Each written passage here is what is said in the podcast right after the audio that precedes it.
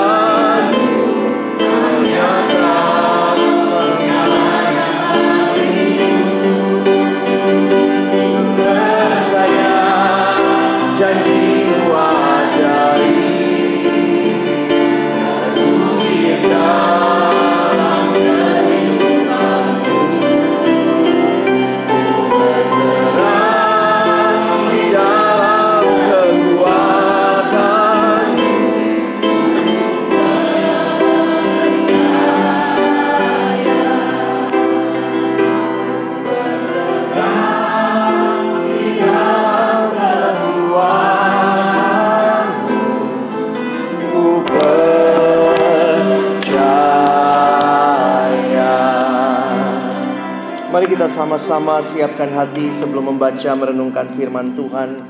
Kita berdoa. Ada begitu banyak hal di dalam hidup kami yang terjadi dan semua itu mengajarkan kami bahwa tidak ada satupun yang dapat kami andalkan selain Tuhan satu-satunya juru selamat, penebus, pemilik hidup kami. Kembali pada sore hari ini, kami dapat kesempatan untuk beribadah, memuji, memuliakan namamu, dan tiba waktunya bagi kami untuk membuka firman-Mu. Kami mohon ya Tuhan, bukalah juga hati kami. Jadikanlah hati kami seperti tanah yang baik, supaya ketika benih firman Tuhan ditaburkan, itu boleh sungguh-sungguh berakar, bertumbuh, dan juga berbuah nyata di dalam kehidupan kami. Berkati baik hambamu yang menyampaikan dan setiap kami yang mendengarkan Tuhan tolonglah kami semua Agar kami bukan hanya menjadi pendengar-pendengar firman yang setia Tapi mampukan kami dengan kuasa dari rohmu yang kudus Kami dimampukan menjadi pelaku-pelaku firmanmu Di dalam kehidupan kami Bersabdalah ya Tuhan Kami umatmu sedia mendengarnya. Dalam satu nama yang kudus, nama yang berkuasa Nama Tuhan kami Yesus Kristus Kami menyerahkan pemberitaan firman. Amin. Shalom. Selamat sore Bapak Ibu yang dikasihi Tuhan. Kita bersyukur kepada Tuhan Ada kesempatan untuk beribadah Dan juga kembali belajar firman Tuhan Tema yang diberikan kepada saya pada sore hari ini adalah Soko Guru di tengah pengabaian Mentang-mentang Bapak Ibu guru adalah guru, maka ada kata soko guru. Nanti kita akan lihat sama-sama. Ada bagian firman Tuhan, saya siapkan slide. Sudah ada Pak di situ sudah terbuka. Oke. Jadi Bapak Ibu kita akan belajar dari jemaat Philadelphia. Kita buka di dalam Wahyu pasal yang ketiga. Wahyu pasal yang ketiga, kita akan melihat ayat 7 sampai ayatnya yang ke-13.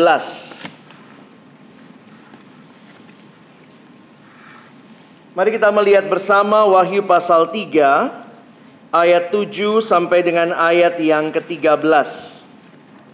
Mari jika sudah menemukan kita akan membaca bergantian. Saya mulai ayat 7, Bapak Ibu sekalian membaca ayat yang ke-8.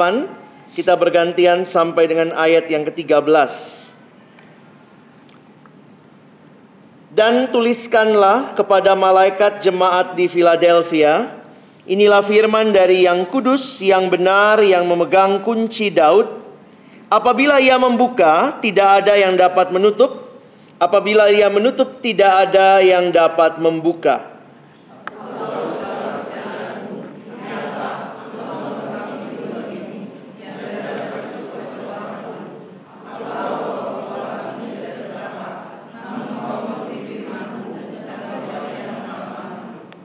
Lihatlah beberapa orang dari jemaah iblis, yaitu mereka yang menyebut dirinya orang Yahudi, tetapi yang sebenarnya tidak demikian, melainkan berdusta karena eh, berdusta akan kuserahkan kepadamu. Sesungguhnya aku akan menyuruh mereka datang dan tersungkur di depan kakimu dan mengaku bahwa aku mengasihi engkau.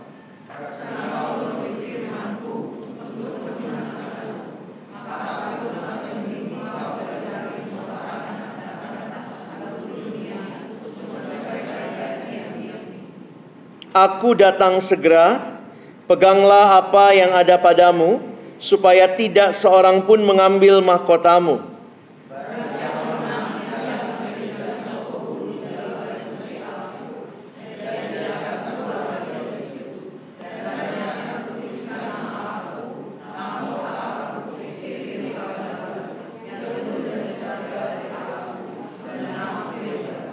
Siapa bertelinga hendaklah ia mendengarkan apa yang dikatakan roh kepada jemaat-jemaat.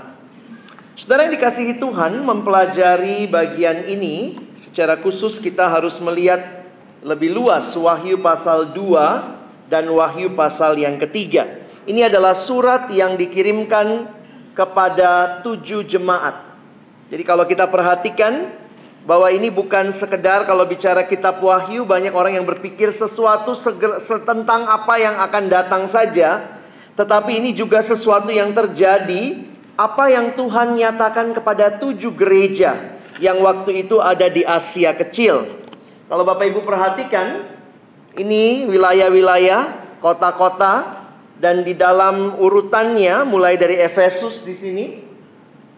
Itu kalau Bapak Ibu perhatikan itu membentuk seperti lingkaran begitu ya. Dan tujuh jemaat ini dikirimi surat oleh Tuhan melalui penglihatan Rasul Yohanes. Di dalam surat ini ada yang berisi teguran, tetapi juga yang lain ada yang berisi pujian dan penguatan. Ada lima jemaat yang berisi lebih banyak teguran dan dua jemaat itu salah satunya Philadelphia yang hari ini kita pelajari dan Smyrna itu tidak ada celaan. Yang ada hanyalah penguatan. Nah, jadi kalau kita perhatikan ini adalah wilayah uh, Asia kecil pada waktu itu. Sekarang ada di sekitar daerah Turki dan kota Philadelphia itu sekarang namanya di Turki Ala Sehir, ya. Dan itu uh, kota yang juga uh, bisa dikunjungi begitu. Beberapa tour saya lihat melakukan perjalanan kepada kota-kota yang dikirimi surat oleh Tuhan Yesus. Ada jemaat Allah di sana. Sesuai dengan namanya, kalau kita perhatikan Philadelphia itu artinya adalah uh, brotherly love. Jadi uh, kita bisa memperhatikan ini kota Philadelphia, ini beberapa bagian dari reruntuhan yang ada. Tapi memang menarik karena katanya kota ini hancur karena gempa bumi. Dan itu nampaknya dinyatakan lebih awal juga di dalam bagian ini. Jadi sedikit latar belakangnya kota Philadelphia, kondisi kotanya berada mirip kayak Indonesia kali ya. Banyak lempeng-lempeng begitu tapi ini yang sangat rentan dengan gempa bumi. Nah, apa saja yang bisa kita perhatikan di dalam bagian ini? Bagi saya yang pertama adalah Tuhan Yesus adalah pemilik gerejanya. Sehingga setiap gereja yang ada di seluruh wilayah Asia kecil ini Tuhan pemiliknya. Dia yang dikatakan berjalan di antara tujuh kaki dian itu. Dan ini bicara lebih jauh lagi kepada jemaat Philadelphia.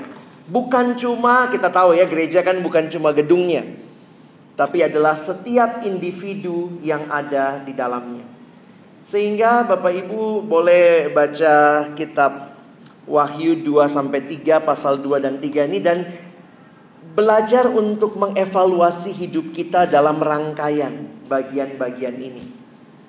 Dan di sisi yang lain juga, ketika kita punya pergumulan yang tidak mudah, seperti yang dimiliki jemaat di kota-kota ini, kiranya bagian ini pun meneguhkan kita dan menguatkan kita. Salah satu hal yang saya pikir sangat meneduhkan hati kita di tengah dunia yang penuh goncangan ini, dunia yang penuh dengan segala pergumulan, bahwa saudara dan saya yang percaya kepada Yesus, kita adalah milik Allah. Kita milik Allah, dan karena kita milik, Dia berkuasa atas hidup kita, dan karena kita milik, saya pikir kita pun harus terbuka ketika Tuhan mengevaluasi hidup kita. Kita pun terbuka ketika kita mengalami pergumulan, datang dan cari bantuan kepada Tuhan Juru Selamat kita. Mari lihat sebentar kondisi jemaat di Philadelphia. Hal-hal apa yang patut dipuji dalam bagian ini kalau saudara perhatikan?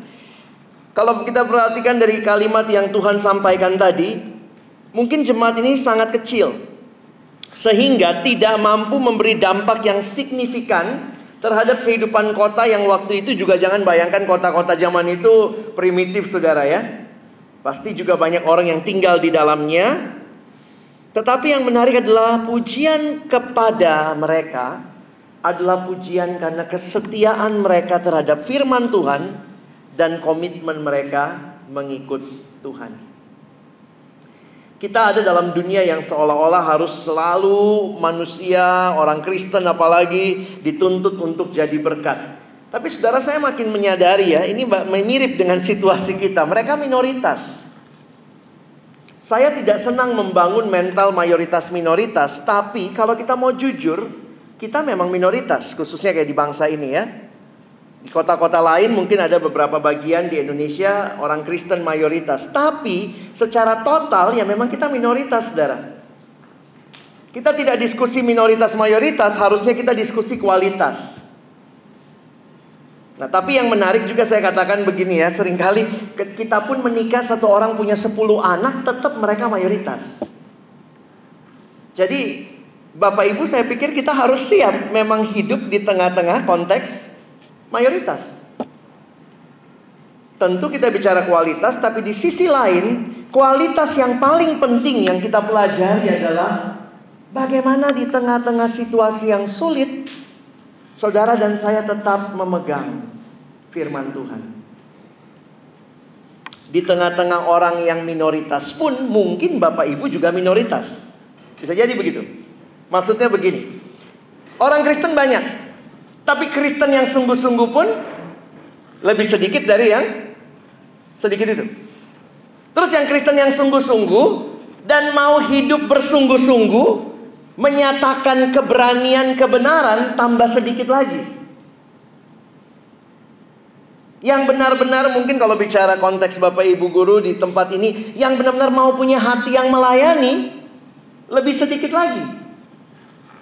Bapak Ibu waktu saya pelajari kitab Daniel, salah satu hal yang menarik begini, Daniel sama tiga temannya ya, si SMA itu ya, Sadrak, Mesak, Abednego. Daniel bersama tiga temannya, jadi berempat.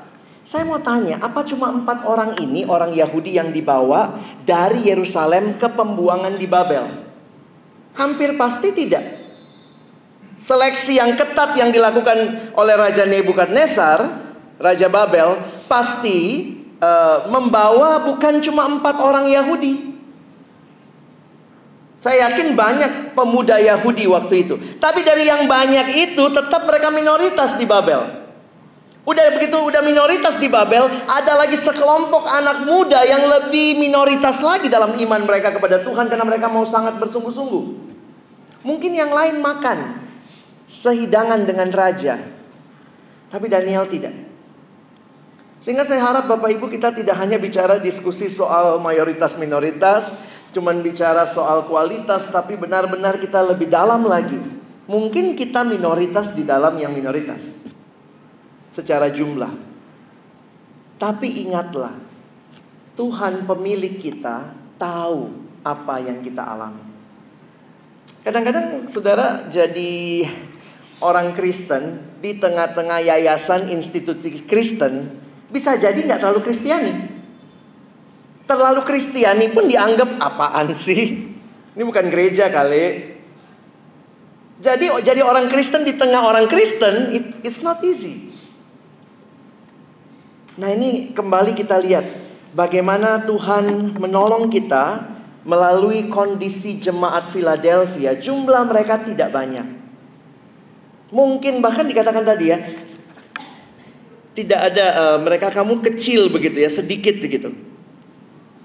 Tetapi Tuhan hadir dan Tuhan memakai mereka dan kesetiaan mereka menjadi hal yang membedakan.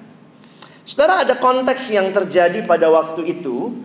Kalau kita ingat-ingat sebenarnya orang Kristen dari awal itu tidak mau pisah dengan Yahudi ya. Jadi menampaknya ada beberapa orang Kristen yang Yahudi itu mereka tetap ibadah ke sinagoge. Ada yang begitu beberapa kota pada waktu itu. Nah, karena mungkin mereka percaya kepada Kristus, maka mereka diekskomunikasi ya. Mereka dikucilkan dari gereja oleh sinagoge setempat. Nah, itu yang digambarkan di dalam istilah jemaah uh, sinagoge setan itu, jemaah iblis, ya. Nah, jadi kalau kita perhatikan, ini mungkin latar belakang munculnya gambaran kristologis tentang Yesus yang memegang kunci Daud dan dia punya kuasa membuka dan menutup pintu.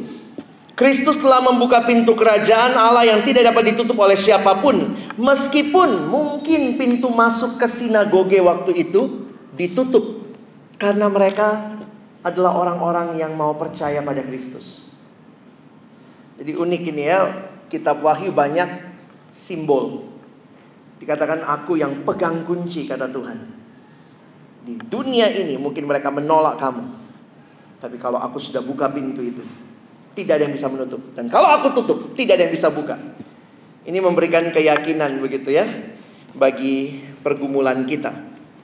Jadi istilah sinagoge setan atau jemaah iblis di Alkitab Saudara ini muncul kembali untuk menggambarkan jemaat Yahudi yang meskipun mereka sedang menjadi pengikut Allah tapi cara hidup mereka bukan Kristiani.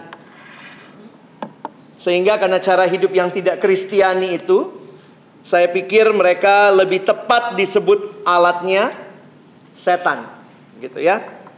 Jadi ini gambaran yang diberikan tentang jemaat yang ada di Philadelphia. Nah, Saudara lihat selanjutnya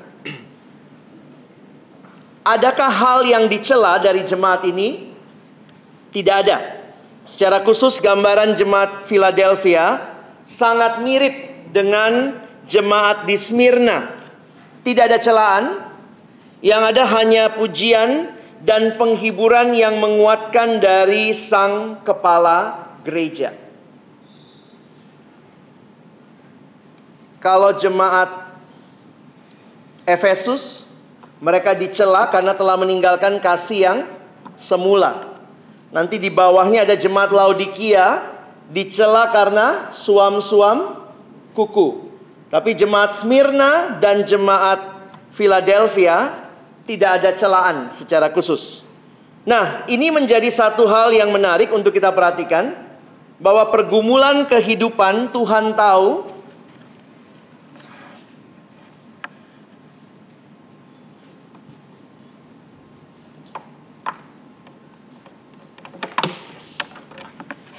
Jadi pergumulan kehidupan kita Tuhan tahu dan ketika kita sebagai milik Allah melenceng daripada Dia, Dia akan membawa kita kembali.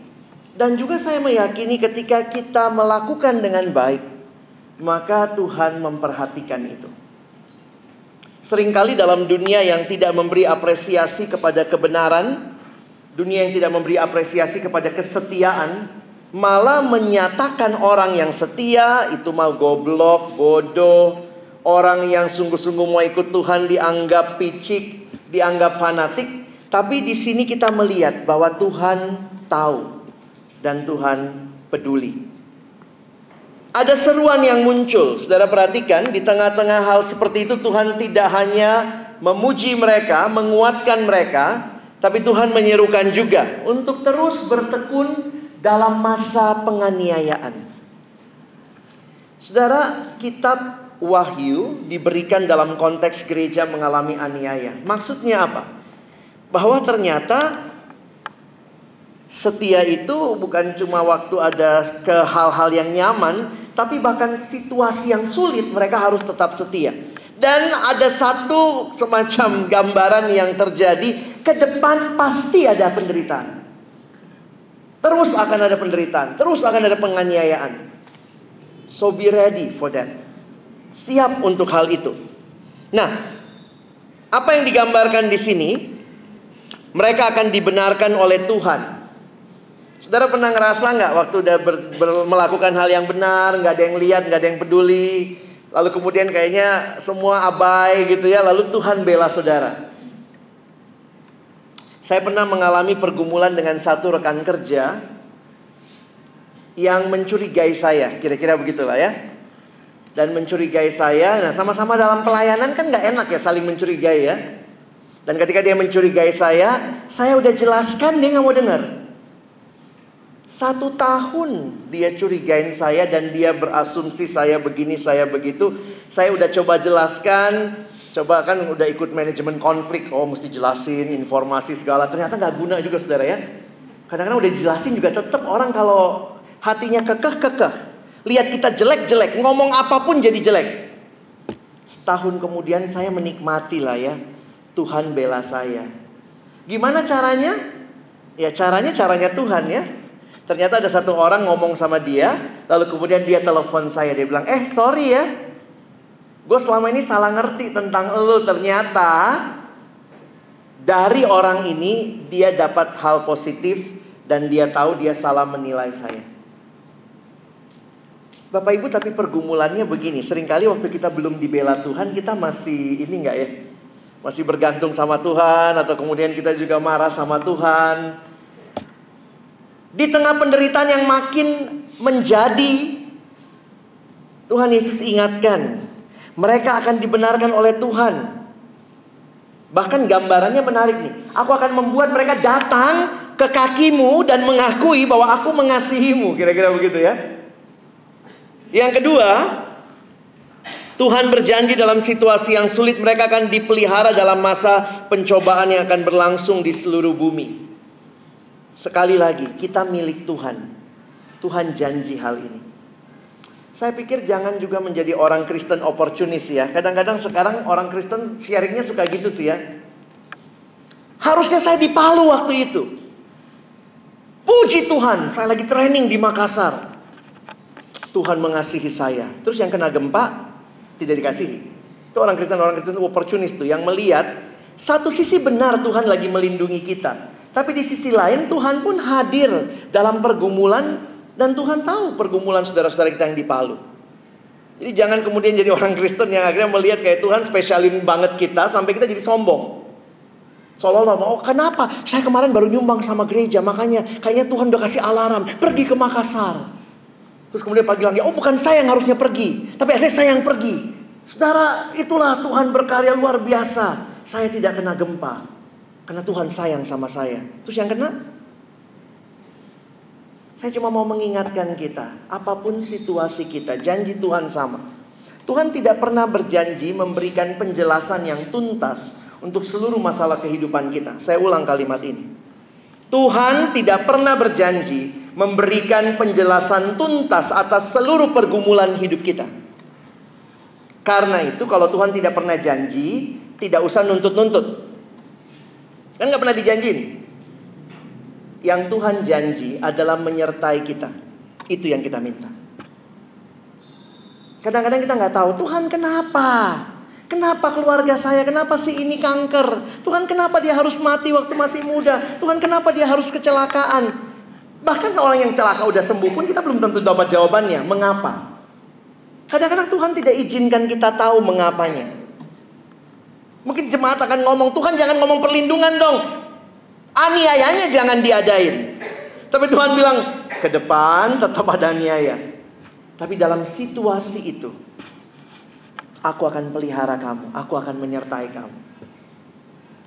Bapak Ibu saya juga mengalami pergumulan dalam kehidupan keluarga Salah satunya waktu papa saya terkena cancer Cancer prostat ketahuan sudah stadium 4 Waktu itu menjelang saya menikah lagi Itu kira-kira 7-8 tahun lalu Lalu pada waktu itu Sampai calon saya bilang ya udah kita tunda aja pernikahan Fokus dulu pengobatan papa saya bilang nih kalau tunda umur juga sudah bertambah begitu ya. Sisi yang lain kita nggak ada yang tahu masa depan. Dalam pergumulan kami adalah kami lanjut. Kita terus persiapan. Lalu papa pengobatan dan segala macam. Dan waktu saya bergumul dalam doa, itu beberapa kali fitting baju, itu uh, celana saya longgar saudara ya. Karena memang pergumulan itu, makanya di dalam Alkitab orang doa puasa itu melekat ya. Kalau punya pergumulan nggak disuruh puasa pun malas makan. Otomatis tuh kurus ya. Dalam pergumulan itu ya akhirnya sampai dalam satu kali itu berdoa pun nggak rasa saudara. Maksudnya nggak rasa. Saya bisa tuh doa sampai dua jam gitu ya. Mohon doa terus sama Tuhan. Kayak nggak berasa begitu ya. Kenapa? Karena lagi punya pergumulan. Sampai akhirnya dalam dalam dalam pergumulan saya itu yang saya nikmati adalah apa yang salah satunya yang kita pelajari hari ini. Waktu saya bergumul itu saya bilang, Tuhan saya maunya papa saya tetap ada waktu saya merit. Itu kerinduan saya Tuhan tolong. Hadirkan papa saya, jangan ambil dia karena kita juga takut ya stadium 4 itu operasi bisa menyebar, nggak dioperasi kesakitan gitu ya. Jadi dalam situasi yang sulit begitu saudara ya malas makan, uh, fitting baju longgar begitu. Tapi Tuhan ingatkan waktu itu dalam dalam perenungan saya waktu lagi berdoa, Tuhan bilang cuma kayak begini ya, itu yang saya yakini. Papamu milikku, bukan milikmu. Kalau saya mau dia ada, dia akan ada. Saya mau dia nggak ada, dia nggak ada. Jadi kamu mesti percaya sama saya. Wih, saudara, waktu saya dapat keyakinan itu, wah langsung saya bangkit gitu ya. Dan waktu saya bangkit ya udah balik makan lagi saudara ya. Dan akhirnya saya melihat iya ya anugerah Tuhan. Dalam anugerah Tuhan papa saya operasi dan Tuhan bawa dalam kesembuhan sampai hari ini masih hidup. Tapi saya melihat iya ya, papa saya milik Tuhan kok. Tuhan yang pelihara. Penyakit segala macam, saudara kita mungkin takut ya. Pergumulan hidup, saya juga harus katakan jujur, kadang-kadang nggak bisa dimengerti begitu. Tapi Tuhan hadir. Waktu papa saya ke dokter kan sekian lama nggak ke dokter kan tiga tahun sekali kontrol gitu. Waktu dia kontrol dokternya sampai kaget. Karena mungkin kaget karena teman-teman seangkatannya udah meninggal semua. Ih bapak masih hidup ya? Kira-kira dokternya mau bilang begitu ya? Cuman dia cuman eh bapak uh, kontrol ya pak. Jadi saudara memang ya hidup. Kalau Tuhan ambil puji Tuhan, Tuhan kasih hidup, puji Tuhan juga.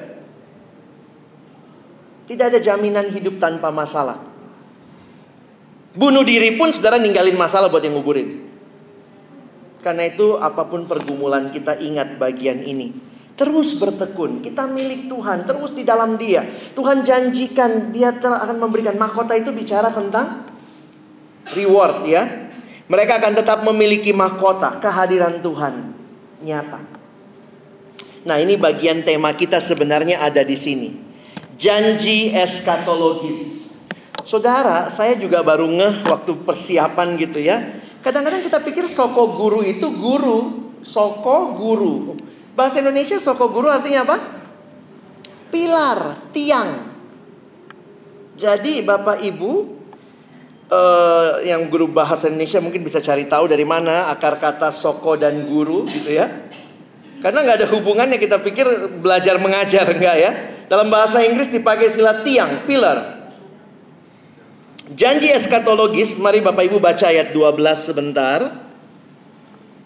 Barang siapa menang. Jadi bagi mereka yang setia, yang bertahan sampai akhir dalam penderitaan yang berat terus percaya Tuhan, lihat janjinya. Ini janjinya eskatologis. Barang siapa menang, ia akan kujadikan soko guru di dalam bait suci Allahku they will be the pillar dia akan menjadi tiang. Nah, saudara, beberapa penafsir mengkaitkan apa ini berkaitan dengan kondisi kota yang gampang diguncang gempa. Jadi sebenarnya bangunan yang lebih banyak tiangnya itu lebih kokoh. Nah ini gambaran di bait Allah, siapa pilar-pilarnya? Yesus berkata, kamu yang setia. Janji ini memberikan kepada kita satu keteguhan bahwa Tuhan meneguhkan kita untuk terus berdiri. Di tengah-tengah mungkin dunia yang tidak peduli dengan kita, dunia yang mencela kita, dunia yang menindas kita, dunia yang menganiaya kita, tapi kita akan jadi pilarnya Tuhan di bait Allah dan gambarannya menarik. Pada tiang ini akan dituliskan nama Allah, nama kota Allah, Yerusalem yang baru, dan nama Kristus. Saudara tahu apa artinya nama dituliskan? Ternyata penggalian arkeologis membuktikan bahwa banyak pilar dari yang ditemukan dalam bangunan-bangunan tua itu ada inscription. Inscription itu itulah ada tulisan misalnya ada nama siapa rajanya atau simbol-simbol apa beberapa katedral di Eropa masih begitu ya. Misalnya tiang ini kalau saudara ke Depok malah unik itu ya. Belanda Depok di gereja GPIB namanya ada di tiap pintu. Ada 12 pintu itu 12 marga Belanda Depok tuh. Lun, Sudira gitu ya. Itu ada. Jadi memang ini gambaran-gambaran uh, apa artinya nama dituliskan. Itu meneguhkan kepemilikan itu meneguhkan identitas. Dan itu yang Tuhan janjikan. Bapak Ibu saya tidak tahu apakah di sekolah dalam realita, realita Bapak Ibu berelasi satu sama lain, adakah hal-hal yang kita alami mungkin penganiayaan? Ada yang dianiaya? Atau ada yang menganiaya? Lebih suka menganiaya? Atau mungkin ada yang saling mengabaikan? Kadang-kadang realita manusia berelasi dengan manusia ada hal-hal yang tidak terelakkan. Dosen saya pernah bilang begini, sebenarnya yang bisa menyakiti kita itu yang dekat sama kita, betul nggak? Ya, ada nggak yang minggu lalu bapak ibu disakiti oleh Donald Trump? Oh, he's too far away. Mungkin yang nyakitin minggu lalu adalah Suami, istri kita, anak kita, orang tua kita, teman kerja kita, rekan guru kita, anak-anak kita. Dan kadang-kadang kita mungkin merasa dalam keletihan kita, saya sudah memberikan begini, begini aja penghargaannya. Gak dianggap, gak diiniin. Tapi kembali, kayaknya saya pikir hari ini Tuhan mau bukan mengevaluasi kinerja kita, tapi Tuhan mau seperti jemaat di Philadelphia. Aku meneguhkanmu sekali lagi. Apa pun yang kau alami. Kalau itu benar terus lakukan. Semua bodoh amat, semua nggak peduli, terus lakukan. Aku lihat. Dan aku akan meneguhkan kamu. Aku menguatkan kamu. Dan kamu akan kujadikan soko guru. Tiang, pilar yang menopang, yang menyangga. Dan di tiang itu akan aku tuliskan namaku.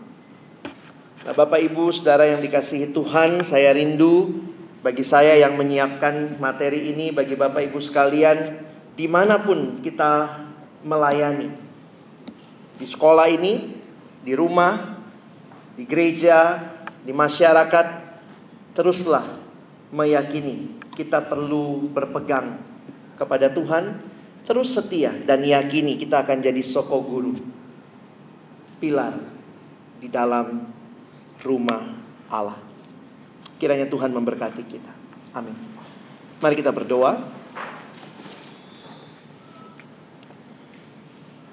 Bapa di dalam surga kami bersyukur karena kami hidup dan kami disertai Allah. Banyak orang hidup tapi tidak mengalami penyertaan Allah. Banyak orang hidup tapi tidak kenal siapa Allah. Kami bersyukur kami diselamatkan, kami kenal Engkau dalam putramu Tuhan Yesus Kristus dan itu menjadi kekuatan kami. ketika menjalani hari-hari kami di dalam dunia yang gelap, dunia yang tidak adil ini, dunia yang bahkan di tengah-tengah realita kebersamaan kami ada saat-saatnya kami diabaikan. Kami mungkin mengalami aniaya, mungkin tidak secara fisik, tetapi secara psikis. Perkataan kami melukai orang lain, cara kami berbicara merendahkan satu sama lain, bahkan sering kali kami merasa Tuhan tidak berpihak kepada kami. Tapi hari ini kami meyakini kalau kami hidup benar, hidup tulus, hidup jujur, maka meskipun seluruh dunia menentang kami, kami mau belajar percaya Tuhan ada di dalam perlindungan dan penyertaan-Mu yang sempurna bagi kami. Tuhan kau pemilik hidup, kau pegang kami, itu janjimu. Dan Tuhan pada akhirnya engkau menjadikan kami pilar Soko Guru di baitmu ya Tuhan. Kami rindu rumah Allah dibangun dengan pilar-pilar yang sungguh-sungguh hidup benar. Termasuk di sekolah ini. Kami rindu sekolah ini kalau kami ibaratkan sebagai bait Allah. Ada guru karyawan yang hidup benar menjadi pilar-pilar yang menopang sekolah ini. Yang akhirnya memberkati banyak siswa bagi kemuliaan nama Tuhan. Tolong kami saling membangun, tolong kami saling mengisi, tolong kami hidup hanya bagi Tuhan. Terima kasih untuk firman-Mu. Kami bersyukur Tuhan, tolong kami bukan cuma jadi pendengar, jadikan kami pelaku-pelaku firman-Mu. Dalam nama Yesus kami berdoa. Amin.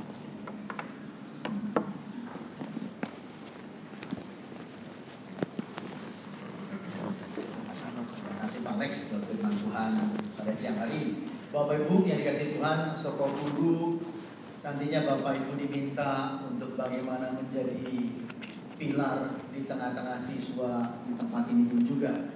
Yang memang mungkin kalau di data sih 80% ada Kristen ya orang di sini 80 persen apa 90 ya 90 ya tapi dalamnya belum tentu Yesus ya itu belum tentu Yesus maka saya bilang Soko guru di tengah pengabaian. Bagaimana kita jadi pilar di tengah mereka yang merasa ah, saya sudah tahu, saya sudah present seperti apa, gitu ya.